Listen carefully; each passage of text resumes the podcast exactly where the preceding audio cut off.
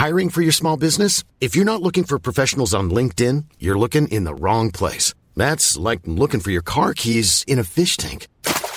LinkedIn helps you hire professionals you can't find anywhere else, even those who aren't actively searching for a new job but might be open to the perfect role. In a given month, over 70% of LinkedIn users don't even visit other leading job sites. So start looking in the right place. With LinkedIn, you can hire professionals like a professional. Post your free job on linkedin.com slash people today.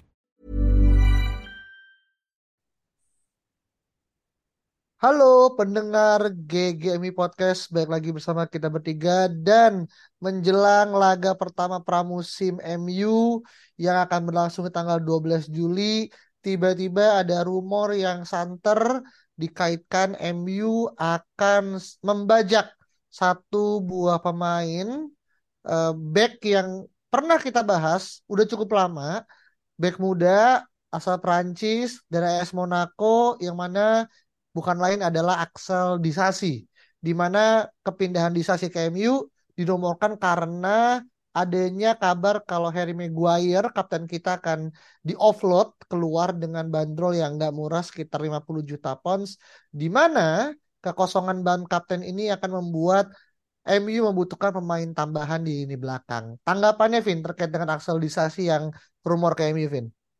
Nah, akseldisasi ini sebetulnya ya stance gue tuh dari awal dulu banget ketika kita mungkin di bulan Januari ya, itu gue nggak impress men, sama sekali nggak impress gitu. Karena mungkin sesimpel gue ngeliat badannya gede tinggi dan pace-nya itu ya ini mungkin nggak terlalu ini ya apa namanya akurat ya, tapi gue yakin FIFA juga membuat uh, statistik pemain itu nggak lagi yang main-main gitu. Pasti melihat dari apa yang terjadi di lapangan juga gitu. Dan kalau di FIFA stat pace-nya di Sasi sama pace-nya Maguire tuh sama sama-sama 50 gitu. Ya mana tuh rendah banget. Jadi gue merasa bahwa ketika Maguire nantinya diganti oleh Disasi itu dari sisi gaya bermain itu nggak jauh beda. Sama-sama lambat tapi mungkin strong in the air dan juga mungkin lebih bagus dari sisi commanding areanya gitu. Tapi kalau untuk um, tiba-tiba kita kena counter, kemudian disuruh menjaga pemain-pemain seperti Adama atau pemain seperti yang cepat-cepat ya kayak Mares itu mungkin dia akan kesulitan gitu sih.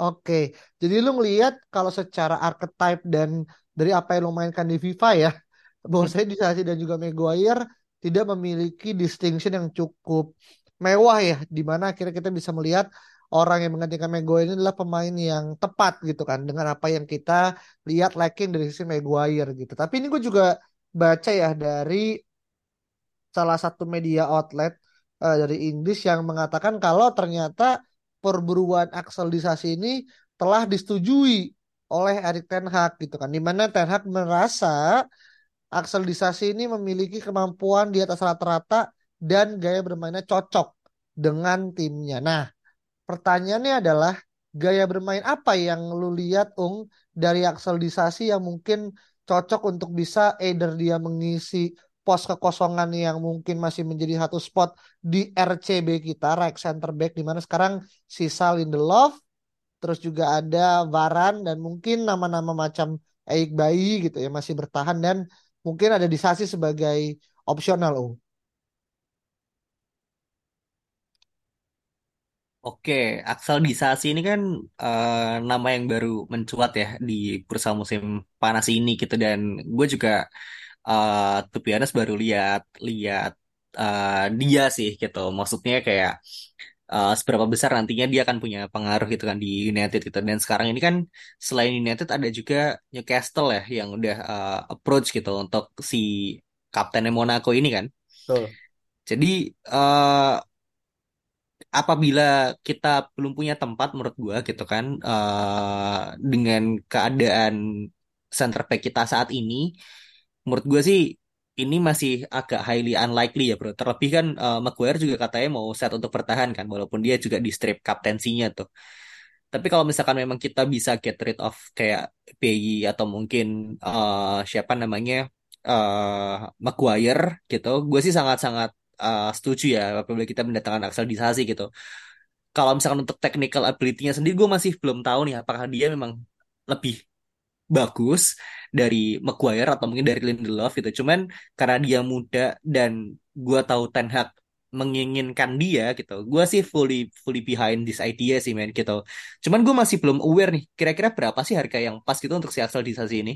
Hmm, iya. Kalau gue baca nih dia di angka itu 45 juta euro. Berarti kalau di pound eh, di pound sterling itu mungkin ya bisa dibilang 30-an something ya. Iya. Eh, 39 lah gitu. Oke lah. Hmm. Dengan pemain yang masih muda kan usia kalau nggak salah 25. 20 25 ya. Mm-mm. 25 gitu kan. Walaupun kita juga ketika dengar 25 kayak langsung hening. Karena gue pikir dia Oke lah. masih 21. Oh ya Disasi 25 tahun di harga 30 juta pon oke lah daripada lo bayar 80 juta pon tapi hasilnya nggak ini kan nggak meyakinkan gitu. Menurut gua sih ini eh, kalau misalnya kita ada budget sikat aja sih men gitu. Tapi kan eh, kita punya harusnya ada beberapa dana ya Eh, dengan penjualannya si eh, Fred mungkin atau mungkin McTominay atau mungkin dengan nanti uh, sama Alex Telles mungkin ya 2-3 juta lah gitu. At least kan ada harganya gitu. Masih bisa kebayar sih gitu. Hmm, Hmm, oke. ya tapi tapi kalau gue lihatnya sih memang ya em, ini udah clear bahwa Disasi ini baru bakal join kalau memang Maguire keluar gitu. Karena kan Oke. emang- ya kan post back tengahnya kan emang udah pas kan. Tadi gue juga sempat baca bahwa pilihan Ten Hag itu adalah Varane, Martinez, kemudian Lindelof dan Martinez kalau cedera yang ganti itu Shaw gitu. Jadi bahkan Maguire ini pilihan kelima gitu. Nah, ini kan sangat-sangat apa ya? Mungkin memalukan lah ya bagi pemain yang tadi ex kapten gitu. Jadi memang sepertinya gue masih nggak tahu nih statusnya Maguire dijual, tapi kayak apa ya? Mau mau nggak mau gitu loh sama si MU gitu. Kayak mungkin MU mau ngejual Maguire tapi nggak mau dengan setengah harga 40 juta gitu loh. Karena kabarnya kan dipagarinya dengan 50 juta dan gue sangat tidak yakin ada tim yang bisa bayar bisa dan mau gitu bayar Maguire 50 gitu. 40 aja udah syukur-syukur ada gitu kan. Jadi memang pada akhirnya gue nggak tahu maksudnya seperti apa gitu. Jadi nggak mungkin kita Maguire udah ranking kelima, and then kita beli Disasi lagi gitu. Mau ranking ke berapa? Kecuali Lindelof mungkin cabut gitu. Jadi memang nunggu Maguire sih menurut gue. Oke, berarti kan ini bisa kita ambil kesimpulan kalau akselisasi dan juga kepindahan ke MU ini akan sangat depends pada bagaimana pergolakan pada Harry Maguire, Eric Bailly ataupun Victor Lindelof yang memang akan cabut dan kita membutuhkan orang yang siap untuk menggantikan posisinya gitu kan, either sebagai rotational player atau sebagai week in week out player gitu kan. Yang mana gua ngerasa di Sasi sendiri kan dia ini datang dari Akademi Paris FC ya. Jadi kalau buat teman-teman yang belum tahu Paris FC ini bukan Paris Saint-Germain ya. Ini beda eh, beda beda apa klub gitu. Mungkin kayak City dan juga MU lah. Satu kota tapi punya dua klub eh, di mana Paris FC ini yang juga ternyata menelurkan banyak banget nih pemain-pemain yang cukup berkualitas gitu kan kayak Ibrahima Konate, Nordi Mukiele juga adalah salah dua dari eh, jebolan dari Paris FC sebelum akhirnya dia dibajak sama tim yang bernama Stade Reims di Hmm. tahun 2016 dan pindah di tahun 2020 dengan menebus angka 13 juta euro saat itu menjadi pembelian paling mahal yang dimiliki sama Stade Reims untuk dijual kepada tim lain gitu kan. Dan sekarang dia udah bermain 129 laga bersama Les Roux et Blanc alias dari AS Monaco gitu kan. Dan dia dicap sebagai ban kapten, berarti kan dia punya kemampuan leadership. Nah, Betul. ini kan juga balik nih kepada apa yang dicari oleh eh, Ten Hag di mana pemain-pemain yang memiliki jiwa kepemimpinan. Kita Hmm. lihat bagaimana akhirnya Casemiro, kita melihat pada uh, even kayak Lisandro Martinez ya walaupun dia tidak memiliki ban kapten tapi bagaimana dia akhirnya punya spirit dan juga punya mentalitas kan kita harus acungi jempol gitu kan nah Eriksen lu juga kapten ini Denmark kan? siapa Eriksen juga kapten oh Denmark. iya Eriksen juga kapten Denmark gitu nah ini lu ngelihat apakah tidak terlalu bahaya Ung ketika kita akhirnya mengumpulkan banyak kapten gitu kan dan masih ada Hmm. Maguire gitu kan yang akhirnya Ya. takutnya kan terlalu banyak matahari kan ujungnya jadi nggak baik nih untuk akhirnya Hmm. dalam satu dressing room kira-kira Ung Wah, nyatanya Real Madrid fan-fan aja tuh. Timnya saya kapten semua ya kan. Zidane, Itu Beckham, apa-apa. Raul ya. Iya. Maksudnya dulu ya waktu dia trap apa uh, tripit Champions League berapa kapten tuh ada ada Kroos ya kan, ada Modric, ada Casemiro juga pada saat itu gitu, masih ada Varane gitu kan. Uh, Ronaldo. Ronaldo bahkan itu kan berapa matahari tuh bro tata surya jadi kayak jadi kayaknya emang galas Galacticos kan gitu. Cuman yang yang yang berbeda dari United sekarang adalah alih-alih kita menjadi Real Madrid 2.0 ya uh, secara Los Galacticos ini gitu dengan beli pemain yang memang mengandalkan uh, nama gitu kasarannya, tapi kita memang beli pemain yang uh, masuk nih sama skema Ten Hag gitu. Nah, memang atribut atribut uh, terkait uh, kepemimpinan gitu atau mungkin uh, cara mereka apa ya uh, on uh, on and off the pitch itu memang orang yang menurut gue cukup spesial gitu macam Mason Mount gitu itu yang itu nilai plus sih sebenarnya gitu. Dan itu bukan serta merta hal yang buruk sih gitu. Daripada lo punya satu pemain uh, tapi kayak egonya sangat gede gitu kan dan dia malah jadi toxic di ruang ganti gitu kan itu ini ini yang mungkin sangat dihindari oleh Ten Hag sih. Makanya ketika uh, ada berita uh, Pogba mau cabut kadang atau Ronaldo yang memang dipaksa untuk cabut itu yang yang disegerakan lah oleh Ten Hag gitu. Karena dia pengen ruang ganti itu punya satu suara gitu. Dan suara itu yang mengikuti arahan komando Ten Hag sih. Hmm, iya benar benar benar. Dan menurut gua kapten di sini ya gue ngerti sih concernnya uh, Dias gitu bahwa terlalu banyak yang pingin memimpin kasarnya gitu kan. Jadinya malah rebutan dan tidak kondusif gitu. Cuma yang gua rasa lihat adalah bagaimana kapten dan pemimpin ini tuh mereka memimpin dirinya sendiri dengan baik gitu loh. Gak mesti pemimpin yang lu bener-bener ngelit semuanya, pingin memimpin gitu loh. Misalnya di Sasi tiba-tiba pingin memimpin gitu, nggak juga gitu. Kayak misalnya gue liat di Man City gitu, Ruben Dias tuh kan vokal banget kan. Dia tapi nggak pegang ban kapten men. Kaptennya tuh ada di Gundogan gitu. Cuma Ruben Dias itu vokal banget di ruang ganti. Jadi menurut gue dengan banyaknya kapten ini bagaimana nantinya pelatih ini bisa apa ya? Mungkin merotasi gitu kayak kali ini siapa yang harus uh, bisa untuk memotivasi. Dan ketika misalnya kapten utama ini lagi drop ya let's say ya nggak nggak nggak mungkin kan kayak Bruno tuh bagus terus moodnya gitu kan atau mentalnya gitu. Ada momen di mana dia mungkin agak down sedikit nah ini ada pemain-pemain yang bisa step up gitu. Yang mana mungkin bisa disasi Erikson Casemiro Varane pemain-pemain itu yang memang punya jiwa kepemimpinan itu bisa step up untuk ambil alih gitu. Cuma mereka tetap bisa merespek kapten yang sebenarnya gitu. Jadi memang kapten yang tanpa apa ban kapten sih gitu. Jadi nggak masalah harusnya. Hmm. If you thought the only way to get a more defined jawline with natural-looking results was through surgery, think again. Juvederm Volux XC is a non-surgical injectable gel filler that improves moderate to severe loss of jawline definition and can help you achieve natural-looking results with little downtime. Even better, this improved definition lasts up to one year with optimal treatment. No maintenance required. Improve jawline definition for a smooth, sculpted look with Juvederm Volux XC. For important safety information and to find a licensed specialist, visit juvederm.com. That's J U V E D E R M.com. Not for people with severe allergic reactions, allergies to lidocaine, or the proteins used in Juvederm. Common side effects include injection site redness, swelling, pain, tenderness, firmness, lumps, bumps, bruising, discoloration, or itching. There's a risk of unintentional injection into a blood vessel, which can cause vision abnormalities, blindness, stroke, temporary scabs, or scarring. Talk to a licensed specialist to find out if it's right for you. Hey, it's Ryan Reynolds, and I'm here with Keith, co star of my upcoming film, If, only in theaters, May 17th. Do you want to tell people the big news?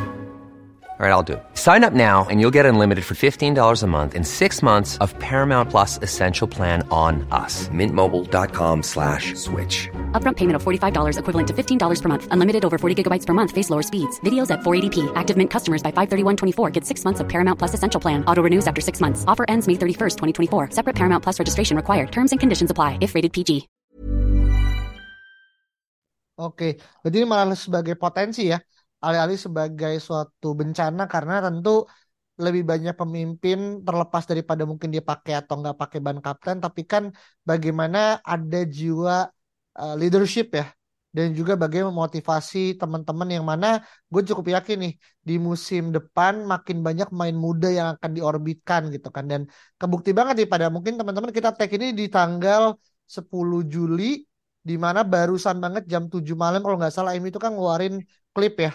Eh, bagaimana akhirnya mereka semua tuh yang first team tuh latihan dan banyak banget pemain muda yang akan dimasukin walaupun tentu jadi suatu hal yang wajar ya karena masih pramusim. Tapi gue cukup yakin nih pemain-pemain muda ini kan butuh yang namanya role model gitu kan. Dan gue sih nggak ngerasa Disasi adalah nama yang terlalu besar atau terlalu kecil untuk dia akhirnya bisa step up dari Monaco ke uh, eh, MU gitu sebagaimana kayak dia mungkin punya tantangan yang lebih besar untuk bisa uh, apa uplifting the career lah itu yang menurut gue jadi suatu hal yang menarik tapi di satu sisi gitu kan dengan rumornya dia juga akan pindah ke Newcastle buat gue ini juga suatu hal yang malah win-win Vin dan juga Saung ya kenapa karena dia akan menjadi partner sangat tepat nih buat Sven Botman gitu kan. Hmm. Di mana usia sangat-sangat muda gitu. Botman juga nggak usah 25 dan musim lalu kan Botman dibeli dengan angka yang hampir mirip 34 juta pounds dari Lille yang akhirnya sekarang mendampingi Fabian Schär ya kalau nggak salah yeah. ya. Hmm. Di Newcastle usia udah 32 gitu kan. Jadi ketika Fabian Schär ini akan rotasi dengan uh, Axel Disasi menurut gue nih adalah tembok yang benar-benar sedang dibangun sama Newcastle gitu kan. Walaupun namanya kalau kita bandingin Botman dan juga Disasi mungkin masih grade-nya belum terlalu grade A ya, tapi kan buat Newcastle mah udah lebih dari cukup gitu. Nah, lu ngeliat dilemanya Disasi sebagai pemain gitu. Kalau lu akhirnya let's say sebagai agennya nih, lu akan melihat hmm. dia lebih cocok bermain di Newcastle karena satu dia akan mendapatkan posisi utama atau yang hmm. kedua dia akan milih ke MU karena faktor brand aja yang akhirnya bisa uh, membuat dia mungkin akan kepanggil ke uh, timnas Prancis karena capnya dia baru empat kali nih Vin sama Prancis gitu kan di mana usia udah cukup dua dua dua lima gue udah cukup layak lah untuk dia bisa main lebih daripada itu gitu siapa mungkin nih? ketika oh, hmm, iya, ketika Paran Paran pensiun kan harusnya dia punya kesempatan lebih ya ya. untuk bermain di timnas Prancis gitu. Dan terlebih ketika dia pindah ke United pun dia juga akan punya uh, banyak kesempatan untuk belajar dari pemain-pemain yang lebih senior gitu. Entah itu uh, Varan atau mungkin Lindelof gitu kan yang juga sekarang kalau nggak salah dia sempat kapten Swedia juga kan Lindelof itu. Iya iya iya iya iya iya, iya, iya. Ya, Maguire juga gue rasa secara timnas juga dia masih sering dipanggil kan ke sana kemari gitu. Dan uh, Lisandro Martinez walaupun secara usia kayak lebih muda Lisandro Martinez ya. Cuman kan secara pengalaman gue yakin dia akan lebih lebih banyak gitu. Dan uh, kalau misalkan masih ada pemain gitu yang bingung apakah dia mau pindah ke Newcastle atau ke United sih kayaknya mesti nonton ini ya. Uh, pertama videonya Mason Mount itu yang behind the scene sama videonya Sandro Tonali yang bandingin gymnya Newcastle tuh ya. Ngelihat dia betapa malesnya itu di Newcastle jadi kayaknya harusnya sih cukup clear sih jawabannya. Iya iya, gue gue setuju banget sih gitu kayak um, nanggung gitu ke Newcastle karena gue melihat di sini di Sasi ini bukan yang bakal jadi cadangan mati gitu loh. Let's say Maguire keluar gitu dan Varane ini kan pemain yang harus dijaga ya uh, apa namanya stamina-nya dan juga kebugarannya. Jadi pasti banyak dirotasi gitu. Jadi pesaing dia tuh ya adalah Lindelof menurut gue gitu untuk memperebutkan ketika uh, mungkin Varane lagi istirahat gitu. Jadi dan di Sasi ini kan bagusnya adalah tadi yang gue bilang areal duel dan juga bagusnya adalah defensive awareness, box defending dan juga build up passing gitu. Itu bagus banget ketika dia ada di box, dia bisa commanding area gitu. Yang mana Lisandro mungkin lebih kepada hajar kanan kiri, tapi di Sasi itu bisa menjadi pemain yang standby di belakang dan juga melindungi kiper gitu. Nah ini kan menurut gue juga apa ya Lindelof ini kan nggak terlalu kuat di udara ya. Kalau misalnya di duet sama Martinez mungkin agak sama-sama aja gitu, nggak beda jauh. Tapi kalau Sasi ini bisa bagus banget gitu untuk duel udara. Jadinya menurut gue ya Disasi beneran dibilang Saung tadi dengan Varan yang mungkin udah mulai termakan usia, Disasi ini harusnya bisa mengambil kesempatan di situ dan nggak perlu takut sih menurut gue. Apalagi hmm. dia uh, apa ya punya jiwa leadership yang bagus dan gue yakin karakter dan mentalnya juga udah bagus gitu dan Ten Hag kan memang mencari pemain yang punya karakter, pemain yang punya mental bagus gitu makanya ya susah kan tinggal di Manchester kan kotanya begitu kan makanan yang gak ada yang enak dan lu masih mau di sana gitu. Dibuktikan dengan Casemiro yang katanya fine fine aja gue di Manchester gitu. Jadi menurut gue bisa sih kalau misalnya dia ada tawaran ya ini menurut gue tinggal bagi siapa yang menawar gitu. Kalau misalnya Newcastle yang nawar mungkin dia bakal pindah ke Newcastle gitu. Tapi kalau MU dan Newcastle sama-sama nawar gue masih yakin dia bakal pindahnya ke MU sih. Iya karena memang satu ya usianya masih sangat muda dan tentu usianya kan sama Mason Mount cuma setahun doang kan. Dan kita tahu ya alasan kenapa Mason Mount pindah kan juga karena untuk memenangkan gelar kan. Dan berarti kan dia ngerasa di klub sebelumnya kan hal itu mungkin lebih tidak mudah untuk dicapai walaupun kita tahu bagaimana Chelsea belanjanya juga gila-gilaan. Jadi menurut gue nih hal yang menarik untuk bagaimana melihat uh, Disasi untuk bisa berlabuh dan setuju ketika Lindelof gagal atau, atau mungkin kurang bisa untuk menghandle cover bola udara Disasi tinggi juga cukup lumayan ya 190 gitu kan. Ya. Jadi menurut gue ini adalah suatu another apa namanya tiang listrik yang akhirnya bisa digunakan sebagai apa namanya uh, kalau kita akhirnya menghadapi bola-bola mati mungkin gitu kan. Nah itu yang akhirnya dengan adanya Mason Mount gitu kan Disasi bisa maju ke depan ketika corner, why not kan? Kita bisa punya another player yang akhirnya bisa scoring goal dari bola mati gitu. Jadi ini ada poin ya bagaimana Kedisasi juga punya uh, faktor-faktor yang bisa mendukung dia dan dia pun juga golnya di di mana? Di Monaco juga udah hampir entah empat gol dan kalau nggak salah dua assist dan hampir 90% golnya juga dari gol uh, bola udara gitu. Jadi well this is good lah buat uh, ke, uh, tim kepatihan Ten Hag ya yang tetap dipimpin sama Eric Ramsey yang akhirnya bisa jadi salah satu poin plus juga gitu. Nah, poin terakhir sebagai bagian dari penutup biasa visibilitas tentang disasi yang akhirnya di rumor ke MU dan udah disabdakan ya sama Lord uh, Fabrizio Romano gitu. Lu ngelihat Ung dan juga Alvin berapa nih chance untuk ke MU? Alvin. Oh gua, gua hmm. masih lagi ya, uh, masih menunggu Maguire. Kalau Maguire kejual, pasti bakal bergerak untuk disasi gitu aja. Jadi Maguire gua rasa dia bakal minta pergi dan angka 50 juta yang ada di media menurut gue ya lagi-lagi ya itu bisa aja cuma briefing aja gitu loh untuk menguatkan posisi MU dulu gitu mau melihat pasar lah kasarnya gitu. Kalau nggak ada yang mau mungkin nanti uh, bisa turun harganya jadi 40 30 gitu. Apalagi kalau Maguire-nya emang minta pindah dan gue yakin dia minta pindah gitu karena apa ya meskipun kabar terakhirnya bahwa Maguire ini mau berjuang tapi ya gue nggak yakin ya dia mau mempertaruhkan um, apa ya tempatnya juga ya di timnas Inggris yang mana kita lihat Lewi Colwill ini udah makin bagus nih untuk back tengah kiri kan di Chelsea dan juga di uh, timnas Inggris U21 habis juara juga gitu. Jadi dengan posisi dia udah makin terancam dia harus main men. Dan di MU tuh kemungkinan besar dia nggak akan main gitu. Jadinya menurut gue dia mungkin akan request pindah tim dan ketika ada yang beli di situlah Disasi akan masuk. Dan gue sampai masih yakin itu akan terjadi. Jadi gue bisa bilang 7 dari 10 sih. Oke, hmm. Alvin 7 dari 10 lu? Uh, kalau gue ini mungkin akan terdengar sedikit uh, reaching ya sedikit kayak masa iya sih gitu. Tapi mungkin ini akan jadi efek domino ketika uh, situasi Harry Kane ini mulai terbaca sih sebenarnya gitu. Karena uh, semua orang tahu lah bahwa Erik Ten Hag itu ingin Harry Kane kan kita gitu. dan kita semua tahu bahwa United itu butuh seorang striker yang memang tidak hanya uh, langsung menjadi goal getter tapi juga memang punya tadi yang kita sampai kita bahas gitu jiwa kepemimpinan gitu katakanlah.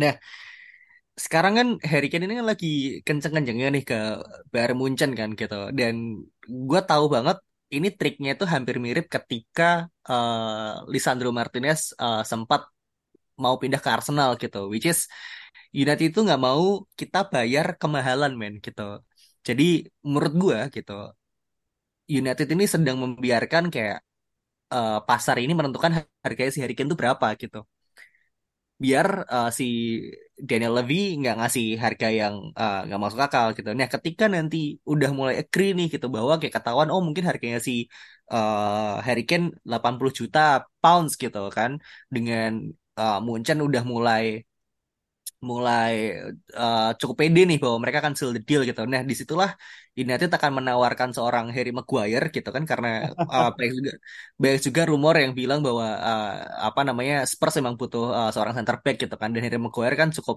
cukup erat gitu rumornya ke ke sana gitu. Nah, kita bisa kasih nih Harry Maguire ke sana plus mungkin beberapa duit gitu kan. Gua gue yakin duit untuk Harry Kane tuh pasti ada men gitu. Nah, udah ada ketika, berangkasa sendiri tuh khusus Harry Kane ya. Iya, nah ketika ketika ini terjadi, nah Axel Disasi yang akan uh, menjadi penggantinya Harry Maguire sih di United selanjutnya gitu sih. Menurut gue seperti itu ya. Jadi sekarang masih ya mungkin 5 per 10 lah menurut gue. Chance-nya masih sangat terbuka sih sebenarnya. Lu masih Hmm, yakin. Harry Kane ya? Oke, oke. Yoi bro. sih. Gue udah tutup buku tuh tentang Harry Kane tuh. Iya. gue juga lagi. Sampai bursa transfer ditutup gue baru baru inilah baru me- menutup harapan sih. Oke, see. Ya ini berarti ini serba ya. Kalau tadi mungkin di awal dependennya adalah Maguire sih dependennya adalah Harry Kane gitu kan. Yang akhirnya bisa menjadi faktor-faktor untuk melihat bagaimana akhirnya MU punya chance untuk terkait dengan menggait Axel di Sasi. Nah Kalau Saung bener gue ya, traktir makan ya Saung ya. Bener ya?